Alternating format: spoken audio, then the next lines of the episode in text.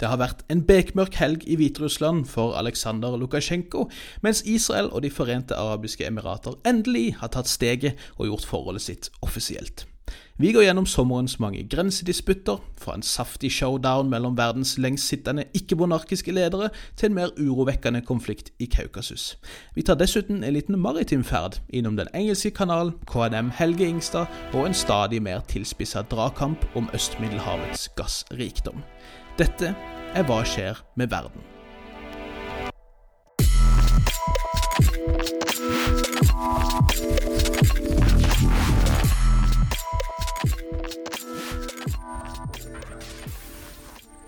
Hei og hjertelig velkommen til en ny episode av podkasten Hva skjer med verden?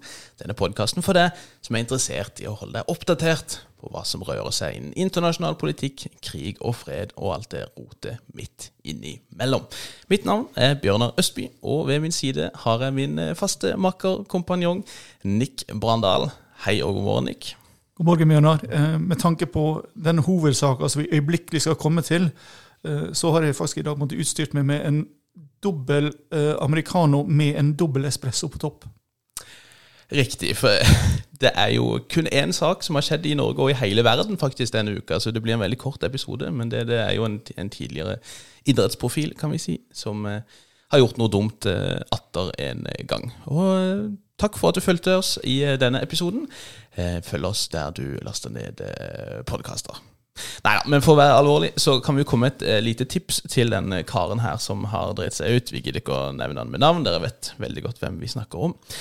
Hvis han trenger en litt bedre forklaring enn det han, han liksom hosta opp på sosiale medier, så kan han jo eh, gå til eh, våre venner i Forsvaret. For de har jo kommet ut med en liten rapport nå, Nick, etter Forsvars intern undersøkelse av alvorlig hendelse med KNM Helge Ingstad i Hjeltefjorden 8.11.2018. Der har de jo kjørt en, en eh, real granskning av årsaksforhold osv. Og, så og jeg hadde lyst til å høre konklusjonen der. Ja, gjerne. Og dette er jo noe som eh, vår venn eh, på ski gjerne kunne brukt også. Jeg, jeg regner med at de har fulgt nøye opp Jan Tore Sanders retningslinjer for klart språk i offentlig sektor. Definitivt. Dette, det blir ikke så mye klarere enn dette her. Dette er noe vi bør etterstrebe og selv. Og konklusjonen er altså at uh, her er det et komplekst nettverk av direkte og bakenforliggende årsaker med uheldige sammentreff i tid og rom som medvirker til hendelsen. Men hvordan skal de forhindre at dette skjer igjen, Bjørnar? Eh, det er jo kanskje den klareste delen av, eh, av den lille oppsummeringa, og det skal foregå som følger. Gjennom en vurdering av lokale og bakenforliggende årsakssammenhenger er det utformet tilrådinger for de tiltak som anses viktigst for å gi en varig bedring av sikkerheten for marinens fartøyer.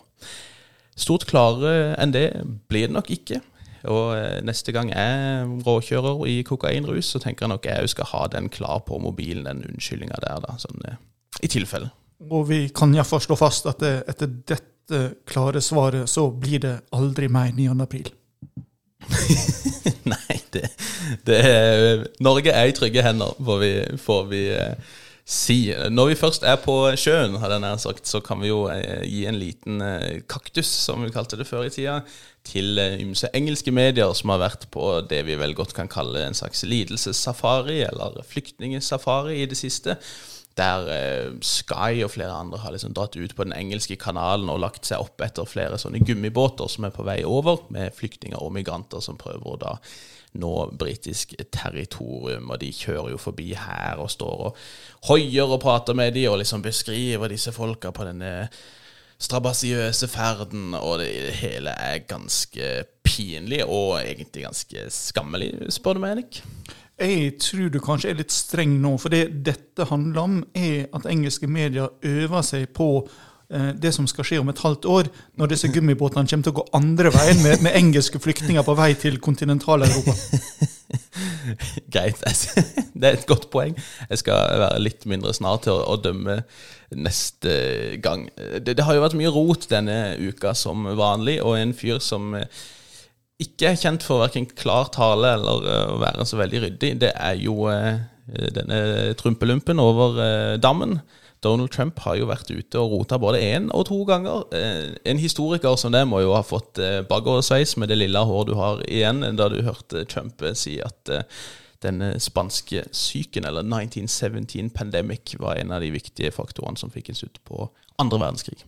Ja, men altså, la oss nå eh, den, altså, Vi har jo alle skrevet og sagt dumme ting der vi ikke har tenkt nøye igjennom hva som kom ut før, eh, før det faktisk kom ut. Eh, personlig må jeg jo innrømme at jeg på en eksamen skrev at uten reformasjonen hadde det aldri blitt revolusjon i Frankrike, som for alle praktiske formål er ganske så katolsk både da og nå. men så det, altså, Første verdenskrig det var jo en verdenskrig. og det var jo en pandemi, så er det så nøye. Nei da, drit i. It is what it is, for å sitere han. Eh, så har han jo eh, Han var jo også ganske klar på at eh, A.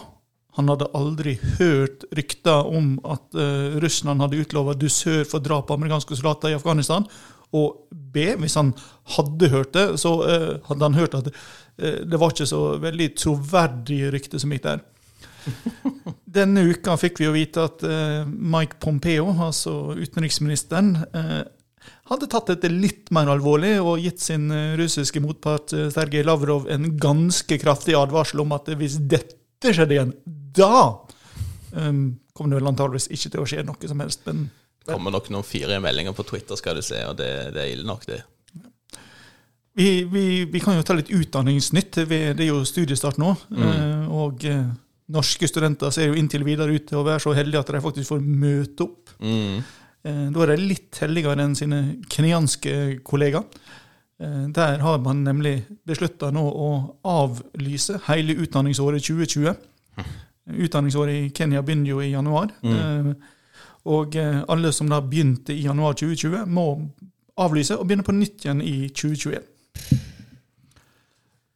Og våre Norske studenter er jo også litt heldigere enn sine britiske motparter. Mm. Eh, der ble det jo ikke gjennomført eh, eksamen på ordinær måte på, på, slutten av videregående. Så man hadde en algoritme som gikk inn og, eh, og vurderte alle, alle, karakterene. Og resultatet ble at rundt 40% ble satt ned. Og av dem ble nesten 36% satt ned med over to karakterer. Mer påfallende er at eh, praktisk talt alle som fikk satt ned karakterene, kom fra skoler i middelklasse- og arbeiderklasseområdet. Mm. Det var faktisk ingen fra f.eks. Eton, der flesteparten av eh, regjeringsmedlemmene gikk, som ble satt ned. Og tvert imot så økte andelen som fikk A pluss eller A etter denne algoritmen hadde vært inne og gjort jobben sin. I Skottland så gikk eh, regjeringa inn og rett og slett sa at dette kansellerer vi, dette er ikke mm. aktuelt. Mm. I Storbritannia så gikk ansvarlig minister eh, ut og sa at uh, dette var nødvendig for å unngå at uh, noen kunne få jobber som de ikke var kvalifisert for. Og basert på empirien fra Johnson-administrasjonen så tror jeg han veit godt hva han snakker om.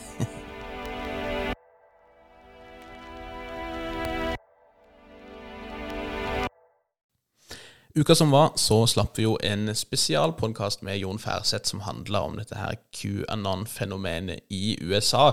Som vi vel fortsatt sliter litt med å definere, men det er en slags bevegelse, kult, nærmest et trossamfunn, som da er overbevist om at en eh, slags satanistisk eh, babyofrende maktelite styrer showet globalt. Og Trump er deres eneste redning i møte med denne her forferdelige eliten. Og den siste uka så har vi jo fått litt flere utviklinger på det området etter at Joe Biden har annonsert hvem sin visepresident blir. Stemmer ikke det, Nick? Det stemmer. Eh, Kamala Harris ble jo da en ny trussel mot, uh, mot Trump. Mm. Og det gikk jo ikke stille hen hos uh, QAnon-bevegelsen. Eh, allerede dagen etter ble annonsert, så eh, var det jo, eh, var jo knytta til denne Pizzagate-konspirasjonen. Har du lyst til å forklare bare veldig kort hva Pizzagate handler om, for de som ikke kjenner til det? Ja, altså det er jo at pizza, som jo er et ganske vanlig ord, og i kontorsammenhenger så er det jo ganske ofte man snakker om å bestille pizza, f.eks. Så mm. i denne Wikileaks-avsløringa, altså fra Det demokratiske partiet, så var jo ordet pizza ganske ofte mm. brukt. Og pizza betydde jo da selvfølgelig eh, at eh, dette handla om Dette var jo denne pedofiliringen. Ja, dette var kodeordet som ble brukt. Mm. Um, Så eh, alt på onsdag så var jo dette ute på Alex Jones sin eh, Infowars-nettside. og Derfor så spredte det seg videre utover på sosiale medier. og Mellom onsdag og fredag morgen så var det over 4000 tweets om eh, Camelon Harris og Pizzagate. Det ble delt innenfor flere titalls QAnon-grupper på Facebook. og Undersøkelser fra Times blant annet, viste at det nådde 624 000 i, da, i løpet av et par dager. Ikke sant. Eh, 77 poster på, på Instagram og en QAnon-kanal på YouTube med over 100 000 følgere, som innen søndag morgen hadde blitt sett av over 30 000 ganger. Mm.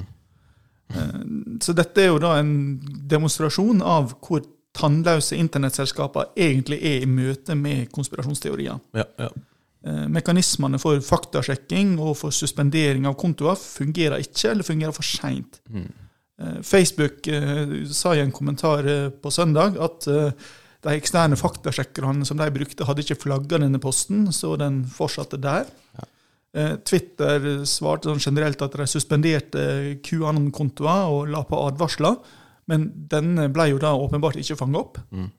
Og YouTube, eh, min favoritt her, eh, sa at eh, videoen om Harris og Pizzagate var ikke i brudd med retningslinjene de hadde. Nei, så klart. Herlig fred. Og det har jo vært også skrevet litt, som ikke er overraskende i det hele tatt, egentlig, denne uka, om at noen Facebook-algoritmer har blitt funnet at, at de liksom rett og slett har propagert eller liksom spredd nesten målretta holocaust-fornektelse, basically. Og sånn som Facebook fungerer, sånn som vi snakka litt sist uke også, så er det jo ikke veldig rart at disse ekstreme synspunktene spres såpass kjapt. Altså, Sosiale medier sin forretningsmodell handler om å få deg til å bruke det igjen og igjen. Du må altså på sett og vis bli avhengig. Og for å bli avhengig, så må du ha mer og mer sukker. Ja. Du må krydre mer og mer, du må gjøre det sterkere og sterkere. Dermed så blir du dratt i mer radikal retning for mer, mer av det du har søkt på før. Av andre nyheter som, som tilsynelatende er bedre, i hvert fall, eh, så har det jo vært mye snakk forrige uke om at Israel og De forente arabiske emirater har eh, ikke bare funnet tonen, men visstnok skal ha normalisert sine diplomatiske relasjoner. Og det var jo som vanlig Trump som var ute og annonserte en eh, huge achievement med en ny fredsavtale som man eh, snakka om mellom da Emiratene og Israel. Der Israel da skulle droppe denne annekteringa for å gi bytte med å normalisere relasjonene med Emiratene. Og dette er jo riktignok en fredsavtale i anførselstegn. Det har jo ikke vært noen sånn konflikt på den måten mellom Emiratene og eh, Israel. Men det er jo den første Gulfstaten da som normaliserer sine forhold til Israel. Det er nå litt snakk har jeg sett om at Bahrain kanskje kan komme til å gjøre det samme. Eh, Og det er den tredje arabiske staten da etter Egypt i 1979 og Jordan i 94. Det er jo litt sånn, altså det jeg kan se eksperter si om dette, så er det liksom vi må ikke gå helt over bord her. Dette er ikke kanskje en så big deal som det ser ut som. Vi har visst at det har vært et eksisterende forhold der ganske lenge, og at dette er mer på en måte en slags offentliggjøring av det. Og Da jeg selv var student, så besøkte vi jo faktisk israelsk UD i 2015 og pratet med Mark Regev, som da var, og som nå igjen er blitt pressetalsmann for eh, Netanyahu. Og, og allerede da så snakka han jo om det han kalte mushroom diplomacy. Da. Altså, sopper vokser i mørket, og det gjør diplomatiet også. Så mens resten av verden ser på hva som skjer i Syria og Irak osv., så, videre, så har Israel da prøvd å Han hinta veldig til at de basically hadde etablert forhold med Gulfstatene der. Ifølge Trump så er det snakk om en full normalisering av diplomatiske relasjoner, og dette er da en historic peace agreement og huge breakthrough med store bokstaver. På Twitter skrev han det, så klart. Eh, men hvis man hører fra Mohammed bin Zaid, som er leder i Emiratene, og Benjamin Netanyahu i Israel, så er de jo langt mer moderate, egentlig. Eh, MBZ, som man gjerne kalles i Emiratene, eh, har jo egentlig vært sagt at dette er et slags sånn roadmap på vei mot et genuint bilateralt forhold, og har sagt at Israel skal droppe annekteringa. Netanyahu har på sin side sagt at ja, nå vel vi utsetter midlertidige annekteringer, men vi har ikke på en måte skrota planene om å gjøre dette på sikt. Det er ikke noen sånn avlysning endelig av annekteringa. Og etter det jeg kan se forskjellige eksperter på feltet si, så virker det jo som at det er mer på en måte innenrikspolitiske hensyn eh, som, som kanskje veier tyngst her, heller enn utenrikspolitiske. Det er to av disse her, Netanyahu og Trump, som står for valg, eller jeg vil si Netanyahu kan måtte stå til et fjerde valg i, i høst. Og begge trenger noen seire, og da kan det kanskje være greit å få til noe utenriks. Eh, Emiratene har på sin side hatt det ganske kjipt i det siste, i både Jemen og Libya, og kunne nok også trengt en liten type suksess på, på utenriksfronten. Motargumentet der er jo at dette også ganske åpenbart handler om Iran. Ja. Og eh, Vi har jo allerede vært inne på Pompeo. Eh, han gjorde jo det som for, i diplomatiske termer er å smelle med døra på vei ut på Mm. møtet i Sikkerhetsrådet i forrige uke, Mm. når han ikke fikk de andre landene med på hardere grep mot i- Iran. Mm, mm. Eh, og eh, så, så eh, dette har åpenbart sånn geopolitiske eh, dimensjoner i dette området også. Og det, altså, det- ja, det handler om innenrikspolitikk, men Mm. disse to motsier ikke hverandre. altså Begge deler gjelder her samtidig. Ikke det hele tatt. Og jeg tror nok også eh, dette handler åpenbart mest om Iran utenrikspolitisk sett, men jeg tror også Tyrkia er en faktor her. Vi kommer inn på det litt seinere også, hvordan eh, Tyrkia egentlig har eh, blitt en slags outsider i Øst-Middelhavet og, og har fiender på så å si alle kanter. og der står jo eh, Israel og Emiratene på samme side av eh, saken, og det har de i og for seg gjort også i møte med eh, Libya, i større og mindre grad i hvert fall. Og Derfor er det kanskje ikke så overraskende at Erdogan raskt gikk ut og, og hevda, ifølge tyrkiske medier i hvert fall, at han vurderte å kutte diplomatiske bånd med Emiratene, kalle ambassadøren tilbake derfra. Og det vi kan frykte, er jo at det som kanskje starta som for å løse innenrikspolitiske problem, blir til uh, en større konflikt med proxy-kriger. Altså at uh, Ja. alle stormaktene, kanskje med unntak av Kina, uh, de har vel ikke helt rota seg inn her, eh, nå støtter forskjellige sider og inngår mer eller mindre formelle og uformelle allianser som, som kan bli eksplosivt. Ja. Og så er det jo også sånn at dersom det blir enda et valg i Israel, da, som det potensielt kan bli fjerde på 19 måneder, eller noe sånt, eh, så kan jo Netanyahu nok også kanskje bli frista til å prøve å faktisk holde disse løftene han har eh, kommet med tidligere om å annektere store deler av Jordandalen. Og det vil jo i så fall sette Emiratene i en veldig vanskelig situasjon. Da har jo de på en måte eh, ja, sitter, sitter de igjen med veldig lite, egentlig. Den store seieren ved å etablere dette skulle jo være å hindre annektering, og i stedet for så får man det i stedet. Og eh, da vil du slite nokså godt på hjemmebane, tror jeg nok. Eh, Men så er det nok verdt å huske på det Jørgen Jensehaugen var innom og snakka om før sommeren også, at Netanyahu og Likud de har alltid liksom likt å snakke om annektering og liksom godene det kommer ved å love det, samtidig som de ikke har lyst til å ta støyten som faktisk kommer dersom du gjør det formelt, som da vil være at palestinerne vil kreve like rettigheter basically under israelsk styre. Så det er veldig fint å kunne love det, det er fint å kunne i praksis på en måte annektere, sånn som man kanskje se gradvis nå, litt sånn under overflaten, men å ikke gjøre det formelt. da. Og Et annet poeng er jo også det at mens dette pågår, så har jo blokaden av Gaza blitt stramma inn desto mer. Jeg leste nå i helga at det var snakk om at altså drivstoff som du trenger for å generere elektrisitet, kan gå tom allerede denne uka, og at Gaza da vil være uten strøm. Eh, Det har jo også vært nye angrep både fra Gaza og mot Gaza den siste uka. Og så kan vi jo for så vidt nevne også Iran til slutt, at president Hassan Rouhani har vært ute i en sånn hardline-avis og eh, sagt at Emiratene har gjort en alvorlig feil og begått en forrædersk handling. Eh, og at de for øvrig har gjort seg til et legitimt og ganske enkelt mål for det de kaller the resistance, som da på en måte er denne gjengen som ser seg sjøl som en slags buffer mot amerikanske og israelske interesser i eh, regionen. Og alle disse regionale og lokale konfliktene er jo nå i ferd med å koke over eh, på ett konkret sted, nemlig i Libanon og i Beirut. Mm, mm. Og Kan ikke du fortelle litt om hva som har skjedd der den siste uka nå? Jo, eh, akkurat når vi skulle publisere podden vår, eh, så gikk jo regjeringa av. Kan ikke vente? Det er alltid rett etter vi er ferdige, så skal det skje noe. Ja, Eller kanskje de gjør det litt tidligere. Eventuelt. Alle viktige ting bør skje på søndag kveld. Helst lørdag morgen, hvis det Ja. Eh, Men eh, regjeringa gikk jo ikke av, for det er jo ikke mulig å få utnevnt ei ny regjering så kjapt i Libanon. mm. Det er masse hensyn som skal tas, så inntil en ny regjering kan bli utnevnt, så blir da den regjeringa sittende. Mm. Og problemene er de samme, og løsningene er de samme, nemlig at en allianse med en skjør maktbalanse der alle partene får litt posisjoner og litt makt og litt verdier, eh, blir, eh, blir oppretta, Mm. eh, som i praksis er umulig å gjøre noe med. Hvis en, in en inkompetent person kan ikke bli sparka, fordi da ryker denne maktbalansen. Derfor så ble jo de som styrte dette havneområdet, sittende. Derfor blir regjeringa sittende, osv. Mm. Altså alle spørsmål som i utgangspunktet burde være upolitiske, blir politiserte Ja, ja, ja. i den situasjonen. Mm. Eh, det som skje, skjedde når regjeringa gikk av, var jo at presidenten Anon noen vedtok unntakstilstand, og det ble jo nå i uka da bekrefta av parlamentet med varighet foreløpig fram til 21.8. Mm. Så kan jeg jo spørre hvorfor de trengte ny unntakstilstand, siden landet allerede var i unntakstilstand pga. pandemien. Mm. Eh, det som skjedde nå, er jo at i praksis så er det Hæren som kontrollerer Beirut.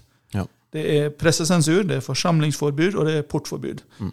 Eh, samtidig så er jo disse, hva, hva som er en trussel mot sikkerheten i denne unntakslova formulert så vagt at det kan bety hva som helst. Mm. Eh, og det kan da brukes til å bli sl og slå ned alle protestene. Eh, og det er dermed potensial for å skape en veldig eksplosiv situasjon eh, Ja. når det er så stor misnøye som det åpenbart er nå i Beirut. Mm, mm. Jeg har jo sett også noen rapporter senest nå i helga om at koronatallene visstnok nå er tre ganger høyere enn de var før denne eksplosjonen i Libanon. Og eh, Nasrallah, Hizbollah-lederen, har jo også hatt en tale der eh, Jeg har ikke sett den sjøl, men, eh, men det er snakk om at liksom, ni ganger da hadde implisitt liksom trua med at eh, hvis dere kødder med oss nå, så er vi villige til å starte en borgerkrig basically for å holde på vår makt. da. Så det er en sørgelig situasjon, rett og slett. Um, og vi skal prøve å følge med så godt vi kan. Det er jo liksom denne her samme makteliten som, eh, som går i sirkulasjon, så det er litt vanskelig å se på en måte hvordan du skal få inn en ny regjering, som du sier. da. Ja, og uten å dra historiske paralleller for langt, så kan man jo bli frista til å tenke Sarajevo i juli 1914. Mm. Ja, og det er jo eh, et annet sted i eh, Europa som eh, også er et aldri så lite flashpoint, og der vi potensielt kan få litt rør også, dersom ryktene om russisk mobilisering stemmer. Vi skal komme tilbake til de kjapt, men det handler så klart om Hviterussland. Der har det skjedd veldig mye, og der vi sist uke så demonstrasjoner som begynte å bli voldeligere og voldeligere, så har det faktisk eh, snudd mer eller mindre den siste tida nå. Det skal sies at én ubevæpna demonstrant ble drept av sikkerhetspolitiet, men eh, etter det så har vi fått enorme demonstrasjoner som i all hovedsak har vært fredelige. Antageligvis mye fordi at mennene har trukket seg mer eh, bakover, holdt på å si, og stått for litt av det logistiske. Og så har vi hatt masse kvinner spesielt som har stått i front her. Eh, litt av grunnen til det er også at mange hundre, primært menn, ble arrestert. Vi vet at det har vært eh, omfattende tortur mot disse her i fengsler. Og, og dere har kanskje også sett disse bildene der det er mange type mødre og søstre og eh, partnere som står utafor disse her avhørslokalene da, og liksom roper til sine eh, menn at de er der, og at de følger med de og passer på.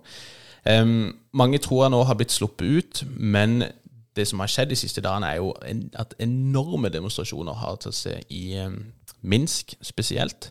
Vi har hatt omfattende streiker på statlig eide fabrikker, som lover særs dårlig for Lukasjenko. Eller Lukasjenka, folk sier begge deler. Jeg vet ikke hva som er riktig.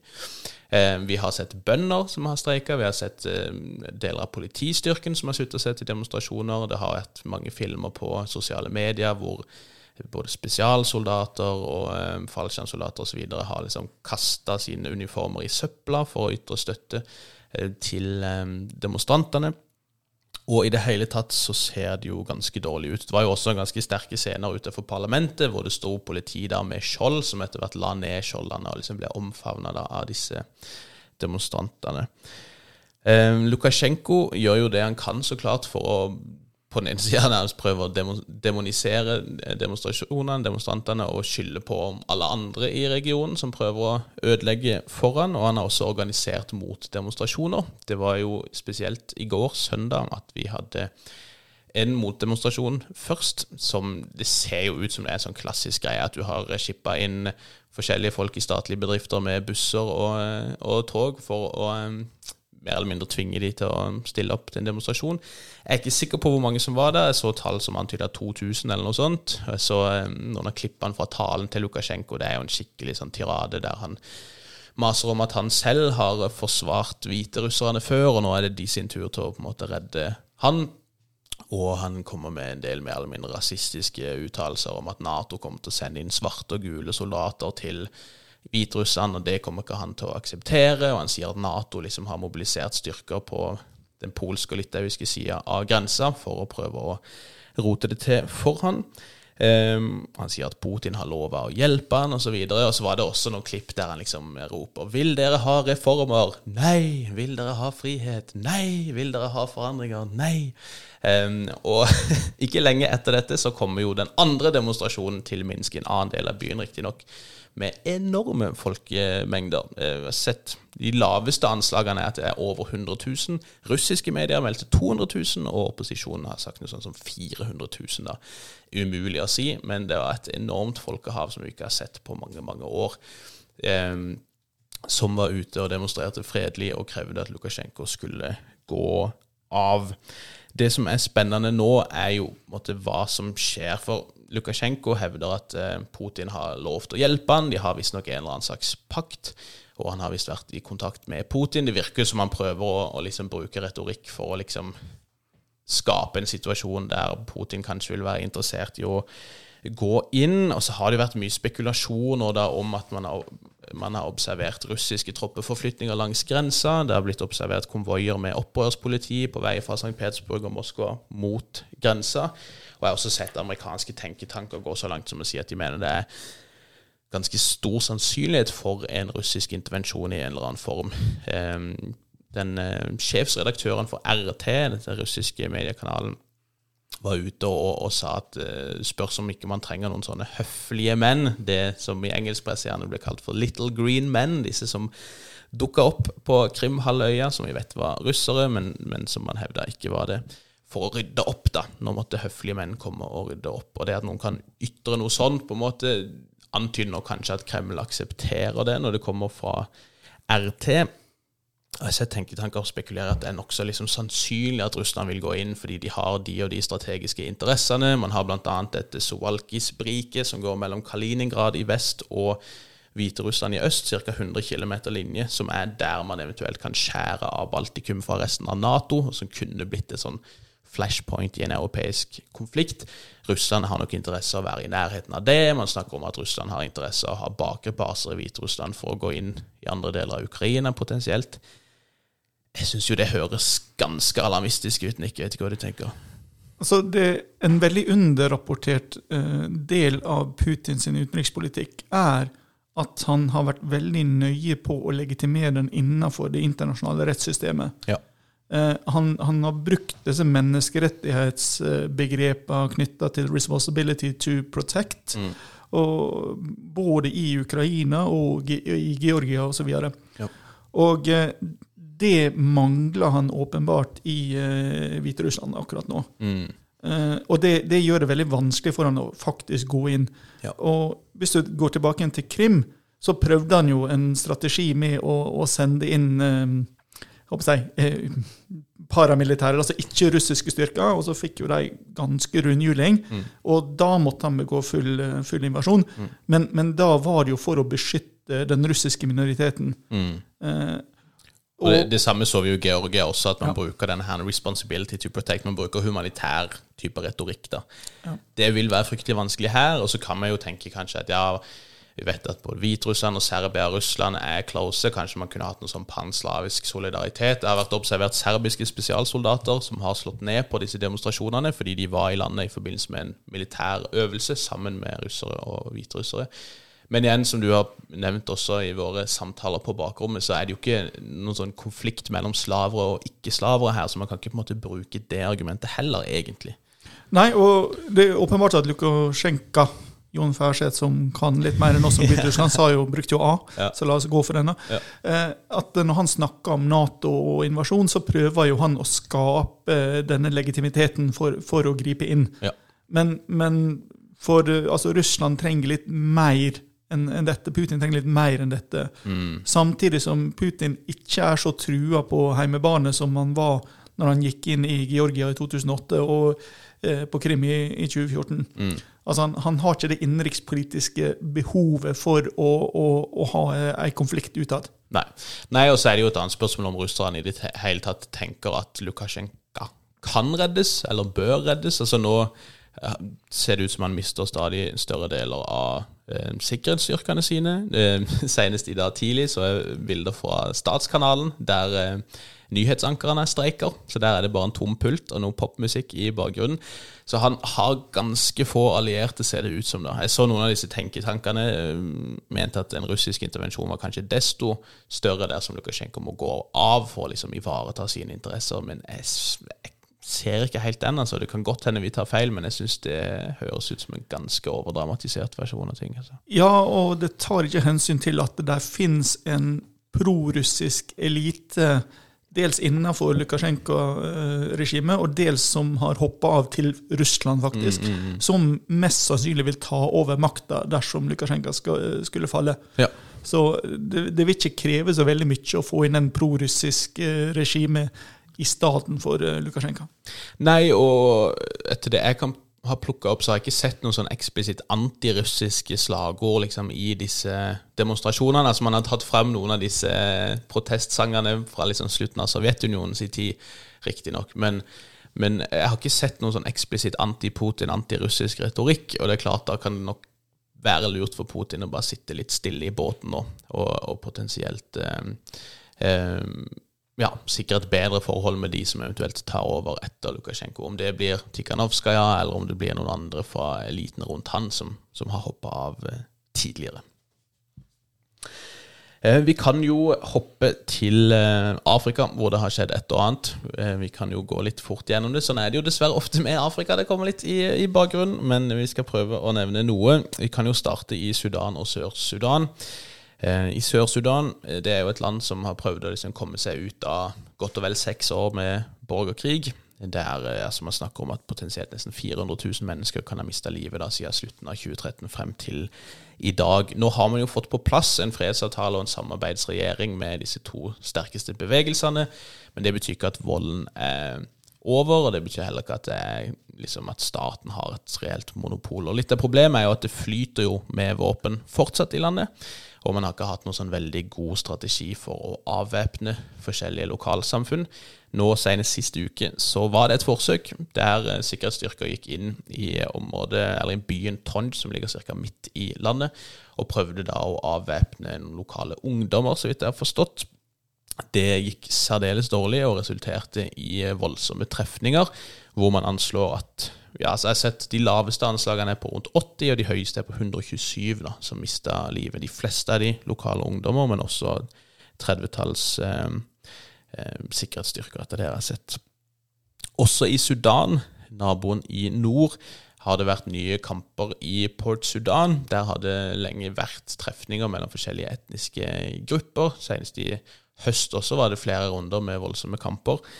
Der var det trefninger i uka som var, der noe sånt som 30 skal ha blitt drept og over 100 skadd. Da i kamper mellom to forskjellige etniske grupper. Primært en som hevder at de liksom er lokale i Øst-Sudan, og noen som har trukket ned fra fjellene tidligere.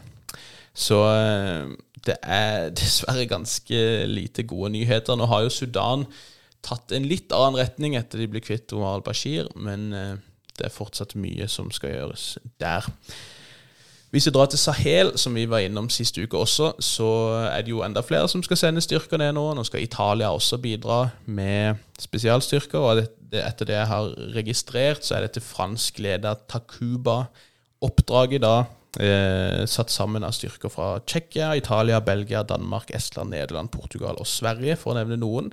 Men ikke Tyskland, og ikke Norge. Og det kan virke som Frankrike er litt oppgitt over eh, at de ikke får mer drahjelp fra Tyskland, noe vi også skal se i, i Midtøsten, der Frankrike virkelig ser ut som de Eller i Middelhavet spesielt, hvor Frankrike prøver å posisjonere seg som en slags militær representant for EU, virker det nesten som.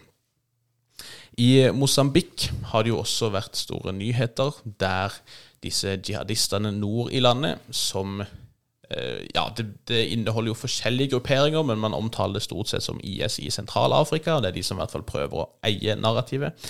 IS skal ha tatt kontroll over en havneby, Mokamboa de Paya, som eh, er strategisk særdeles viktig, også fordi at den er en slags hub for eh, nye prosjekter om å um, få ut um, flytende naturgass, som det skal sies å være masse av i området. Også Statoil, vist, eller Equinor som det heter i disse dager, er visst også involvert i noen prosjekter der på Tanzanias side av grensa, så vidt jeg har forstått.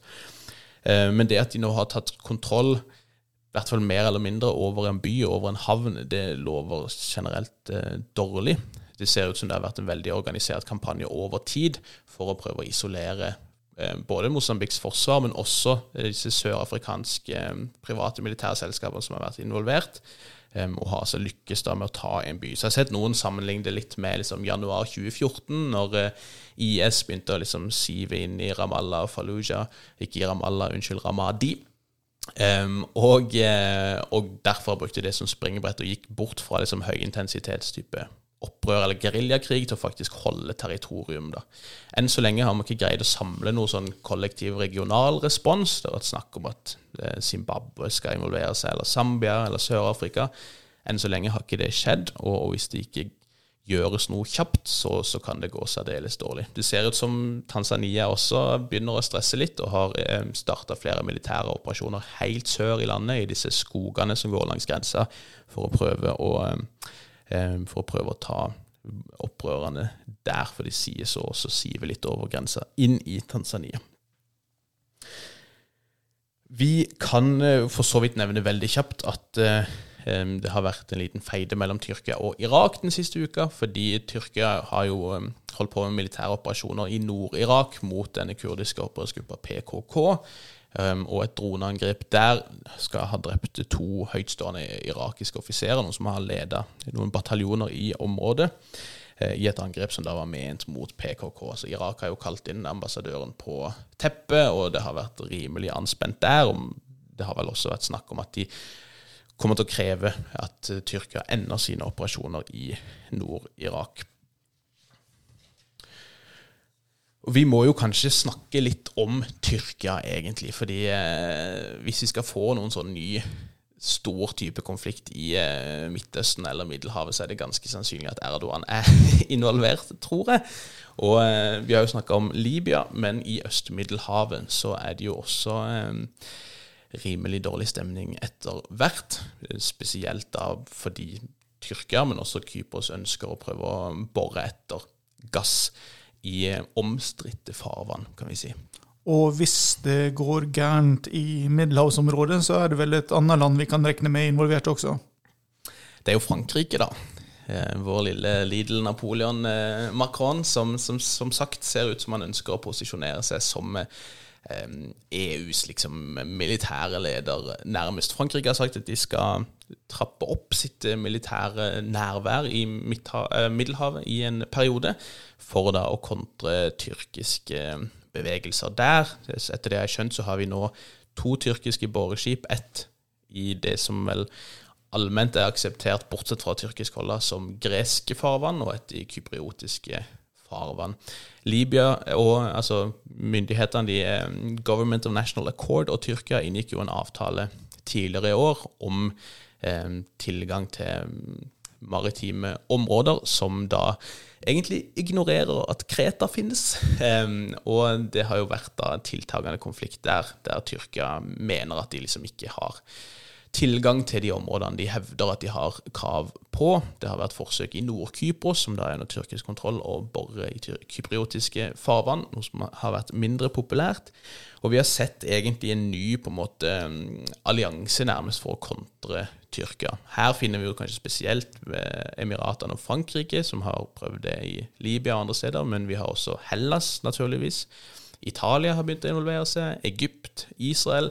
Og man har jo nå fått et sånn Øst-Middelhavs gassforum, der til og med palestinske autoriteter og Jordan er involvert, hvor egentlig alle er mot Tyrkia og Nord-Kypros, more or less. Ja, men samtidig, det, det, kan være verdt å følge med på om det skjer en tilnærming mellom Tyrkia og Iran, mm. som er de to eh, outcast-statene i dette området her. Ja. Eh, I dag er det jo ikke noe nært forhold mellom landene, for å si det mildt. Men eh, etter hvert som de får flere og flere felles fiender, så vil det ikke være unaturlig. Og det kan da også være interessant å se hvordan Russland posisjonerer seg i dette spillet. Mm, absolutt. Og etter det jeg kan se, så virker det som Macron, som nevnt litt tidligere, er litt fed opp med at tyskerne ikke på en måte kommer mer på banen her. da. Nå er det liksom Frankrike som har gått inn som beskytter av Hellas. Det kan se ut som Italia begynner å gjøre det samme, men, men jeg har sett flere liksom vente på at Italia og Spania skal sende skip, f.eks., og, og så videre. For disse boreskipene til Tyrkia sies å være eskortert av krigsskip. da. Og eh, jeg syns jeg så Erdogan hevde at liksom disse skipene også hadde blitt trua, og det har vært litt sånn sabelrasling der. Um, så det er definitivt verdt å følge med på, og, og jeg syns vi ser en generell trend hvor spesielt Emiratene er ute etter å kontre tyrkisk innflytelse der de er, litt fordi Emiratene alltid er ute etter å stoppe det muslimske brorskap, mens Tyrkia gjerne samarbeider med de, sånn som vi ser i Libya. blant annet.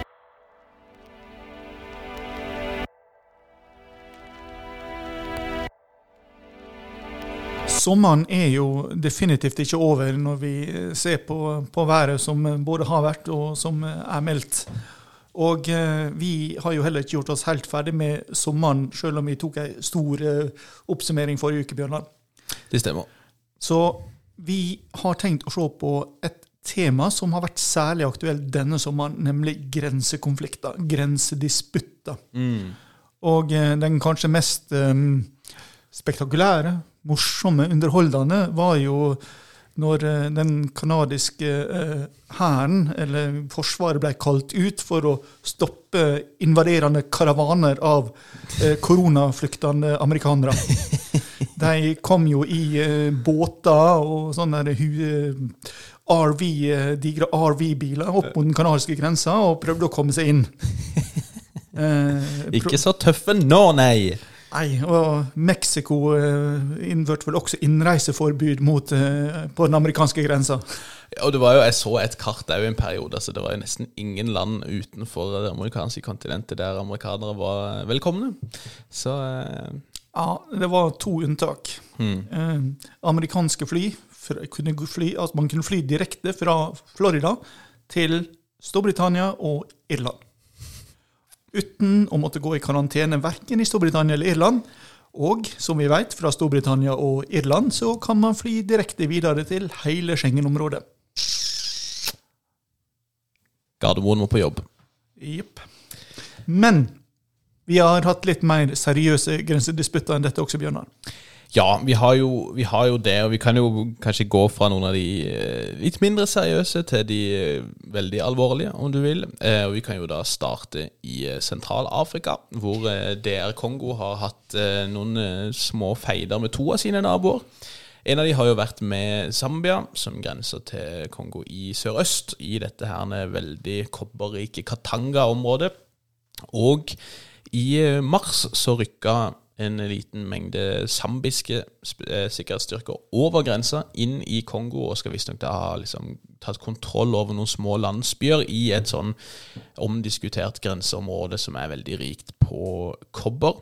Eh, Det skal ha vært flere trefninger med de, men i eh, slutten av juli, begynnelsen av august, så kom det rapporter om at disse styrkene nå hadde trukket seg ut igjen, og at eh, ting var i orden igjen. Og det høres ut som det har vært litt press også fra denne eh, ja, fra forskjellige regionale organisasjoner for å få en løsning på dette her. Også med naboen Angola, som er i sør og sørvest for Kongo, så har det vært noen eh, trefninger i dette Kasai-området, der det har vært konflikt en stund i Kongo, hvor eh, angolansk grensepoliti visstnok skal ha gått inn på kongolesisk territorium, og man har hatt eh, flere trefninger der. Det høres ut som også den situasjonen er sånn tålelig under kontroll.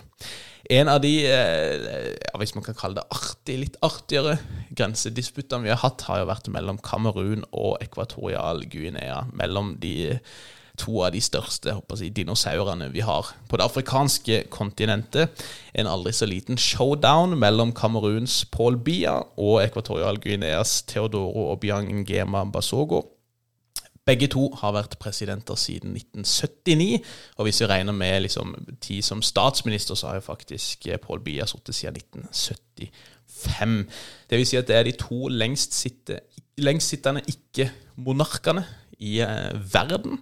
Um, og det er jo ikke så rent lite bare det, så det har jo vært veldig spennende å følge med på hvordan dette skulle gå. Og den disputten skal ha starta etter Ekvatorial Guinea, da visstnok skal ha påbegynt arbeidet med å sette opp en grensemur, som visst ikke skal ha fulgt denne grensa mot Kamerun helt slavisk. Og, og, årsaken til at man bygde denne, skal visst ha vært at flere kuppforsøk mot eh, Obiang i nyere tid skal ha liksom stamma fra Kamerun, da, og at de har trukket over grensa derfra. Det har visst i hvert fall vært unnskyldninger, da. Eh, det har jo ikke vært videre populært fra Kameruns hold, i hvert fall når dette ikke har fulgt grensene helt. Og Derfor så har det vært forholdsvis tilspissa, men de har hatt flere samtaler, og det ser ut som ting har roa seg ned. Og Det er jo kanskje en liten lærepenge òg, hvis du bare ikke blander deg inn i absolutt alt, så, så greier ofte folk å finne ut av det selv. En, en grensedisputt som er ganske mye mer skummel enn denne showdown mellom disse dinosaurene, det er jo der eh, atommakter møtes i Himalaya, og man foreløpig bare har møttes med klubber og steinkasting, eh, nemlig India og Kina. Nick. Ja, dette er jo en konflikt vi fulgte ganske nøye før sommeren. Mm. Eh, og det virker vel som om den har satt seg i en slags skjør stillstand akkurat nå. Mm. Eh, det har ikke vært så veldig mye trefninger. Eh, kineserne har eh, gravd seg ned, om ikke bokstavelig talt, så iallfall billedlig talt. Mm. Så, nå, så, nå, står de langs, langs et punkt. Mm. Litt mer bekymringsverdig er jo at en spørreundersøkelse blant 12 000 indiere om de så på krig mot Kina som ønskelig eller nødvendig, eh, så var det 59 eh, altså tett på to tredjedeler, som sa ja. Mm. Og det er jo litt det som er skummelt her med denne konflikten òg. Altså at de politiske lederne, militærlederne, har nok sine tanker og sine ønsker for dette, men begge to må jo på en måte ri på denne nasjonalistiske tigeren, som vi vet er vanskelig å, å temme. Eh, og det ser vi jo både i India og i Kina, at lederne er under stadig mer press fra ultranasjonalister om å prøve å, å temme dem. Um, og sånn sett så, så, kommer det jo press også med, mot mer direkte militære konfrontasjoner på hjemmebane. Ja, men paradoksalt nok så har konflikten i Hongkong ført til at uh, Xi sjøl har tona ned nasjonalismen i retorikken sin. Mm. Altså Han ser at uh, åpenbart at det her holder han på å bli dratt inn i litt for mange konflikter samtidig som, uh, som kan ha potensial for å destabilisere og ikke styrke regimet hans. Nettopp. Det er veldig interessant. Og der vi ikke har hatt sånne direkte militære konfrontasjoner eller slåsskamper for den saks skyld den siste tida, så vidt vi har registrert, så har vi hatt det blant noen andre historiske rivaler som er litt nærmere hjemme, nemlig Armenia og Aserbajdsjan i Kaukasus. Og Forholdet mellom disse to har jo lenge vært svært anspent. Ja, for, for meg som husker 90-tallet, Bjørnar, så, så, er jo dette her eh, en av de virkelig klassiske konfliktene. Riktig, riktig. For mellom disse statene så ble det jo krig, ikke så veldig lang tid etter Sovjetunionens eh, oppløsning. Og det var en krig da første halvdelen av 1990-årene, egentlig, da Armenia valgte å støtte armenske separatister i dette området kalt Nagorno-Karabakh, som da formelt ligger i Aserbajdsjan, og som i prinsippet er under eh, deres jurisdiksjon, men som i praksis i dag kontrolleres av armenere. Så det er sett en enklave der. Den krigen kosta noe sånt som 30 000 mennesker livet. Eh, men det endte da altså med at armenere har hatt kontroll over Nagorno-Karabakh, og også flere andre deler um, i området rundt der som egentlig formelt er under um, Aserbajdsjans kontroll. Og her har vi jo litt sånn samme situasjon som på Koreahalvøya. Man har fått til en våpenhvile, men det er foreløpig ingen liksom sånn permanent løsning. Så det går litt sånn litt i bølger, dette diplomatiske arbeidet for å prøve å få til en mer permanent løsning, der Aserbajdsjan jo gjerne ønsker å få tilbake kontroll over Karabakh, mens de som er der, armenerne, ønsker fullstendig løs rivelse. Og litt av jobben for å prøve å få på plass en løsning har jo da blitt tatt av eh, OSSE sin eh, såkalte Minsk-gruppe, som består av franske, russiske og amerikanske diplomater. Eh, og det er jo en hellig treenighet av rotehuer, kan man jo eh, nesten si, hvis vi ser på deres historiske track record.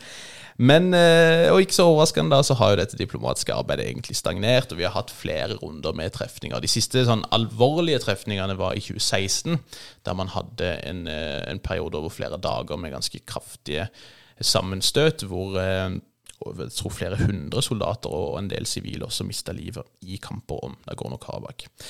Det som er litt skummelt nå, er at vi i sommer har hatt trefninger ikke i Nagorno-Karabakh, men på grensa proper mellom Armenia og Aserbajdsjan. Og det er jo ganske mye mer alvorlig, både rent praktisk sett, men også når vi tenker på det juridiske rundt dette.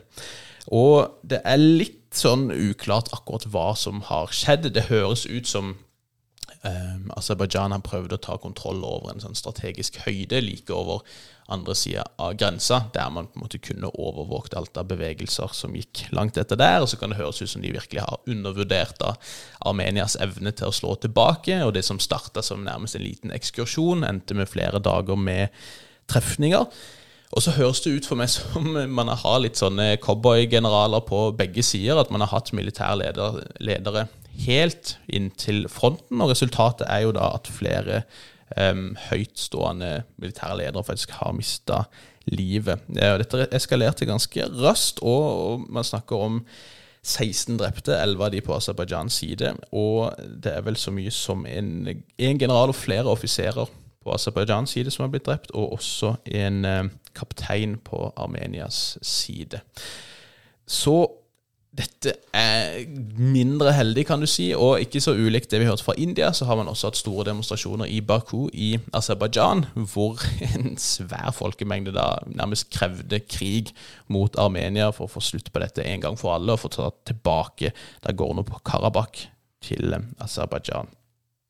Vi har også sett demonstrasjoner i, ja, så nærmest som i London, hvor det har blitt en voldelig sammenstøt mellom demonstranter med armensk eller aserbajdsjansk bakgrunn.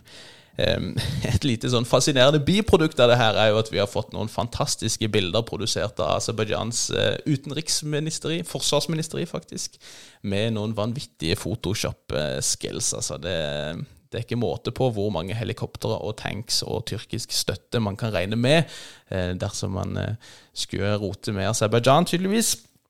Men det som faktisk er litt skummelt her, det er jo nettopp dette at du veldig fort kan ende opp med å dra inn store deler av regionen dersom det blir en, en reell krig her. Og, og, det kan se ut som det er blant befolkninga i Aserbajdsjan spesielt et ønske om en reell konfrontasjon. Og det er litt skummelt, for som sagt så står Tyrkia eh, veldig nær til Aserbajdsjan. Russland står ganske nær til Armenia og har baser der, samtidig som de er den viktigste våpenleverandøren til Aserbajdsjan. Um, og i tillegg så frykter man jo at Iran eventuelt kan bli trukket inn, type på Aserbajdsjans side. Så og Dette ligger jo i Kaukasus, som har vært en ganske sårbar og urolig region i mange mange år. Ehm, så dersom det skulle eh, skje noe her, så risikerer man altså Jeg hørte noen, igjen amerikanere, igjen fra tenketanker, som liksom kjører et sånn eh, Sarajevo 1914-type take på dette også. Det er nok litt uh, hissig, men, men det er noe man skal følge med på. Ja, det er nok kanskje litt kort tenkt også. For dette har jo pågått i mange mange år, det har pågått i flere hundre år. Mm. Altså, Kaukasus er for Russland bufferområdet mot eh, de muslimske imperiene. Mm. Eh, og, og, der man har et, be, et behov for kontroll. Mm. Eh, og Altså, disse historiske føringene eh, altså, og, og betydninga de har for Putin og russisk utenrikspolitikk, skal man ikke undervurdere. Nei. Og det er jo gjerne Russland man ser til der også når det kommer til diplomati her. At, eh, at de, de greip inn sist i 2016 og, og, og så vidt jeg har skjønt leda noen av de samtalene der. Og man har jo håpet at det samme skulle skje nå. Russland har jo mana til ro og, og til samtaler. Um, og så er det jo òg de som frykter at man liksom får russiske si, fredsbevarende styrker. De, eh, for det første så finnes de kanskje ikke egentlig, og for det andre så har de en tendens til å ikke dra hjem igjen etterpå. Um, så det er en ganske skummel uh, situasjon. Og så er det som du sier, altså Kaukasus er jo et verdenshistorisk veikryss. Si. Alle de store imperiene, om de kommer fra vest eller sør eller nord eller øst, har jo stort sett passert gjennom der, som gjør at det er et uh, lappeteppe av forskjellige grupper og nokså vilkårlige grenser osv. Så, vi skal prøve å følge med der. Enn så lenge så er det litt sånn kjørstillstand også der. Og så får vi håpe at, at det ikke skjer noe mer på den fronten, sånn umiddelbart i hvert fall. Det var det hele vi rakk i dag, og det var ikke så rent lite bare det, Nick. Nei, dette var et langt lerret et langt eh, lerret. Og eh, for de som trenger eh, gode mm, formuleringer til å komme seg ut av kinkige situasjoner i livet, så anbefaler jeg å lese denne forsvarsinterne rapporten om KNM Helge Ingstad. Så har du noen sånne fine setninger og formuleringer som du, formuleringer som du kan lure deg unna med. Men ikke på eksamen i FK eller INT. Da blir det blankt stryk, for vi har lest rapporten, og vi gjenkjenner disse. Med det, Nick, så får vi si tusen hjertelig takk for følget nok en gang. Følg oss der du laster ned podkaster, og hvis du har lyst til å være veldig snill, så kan du jo alltid gi oss fem stjerner på iTunes også. Og så hører du ifra oss igjen veldig, veldig snart. Takk for det, Nick. Sjøl takk, Bjørnar. Vi høres.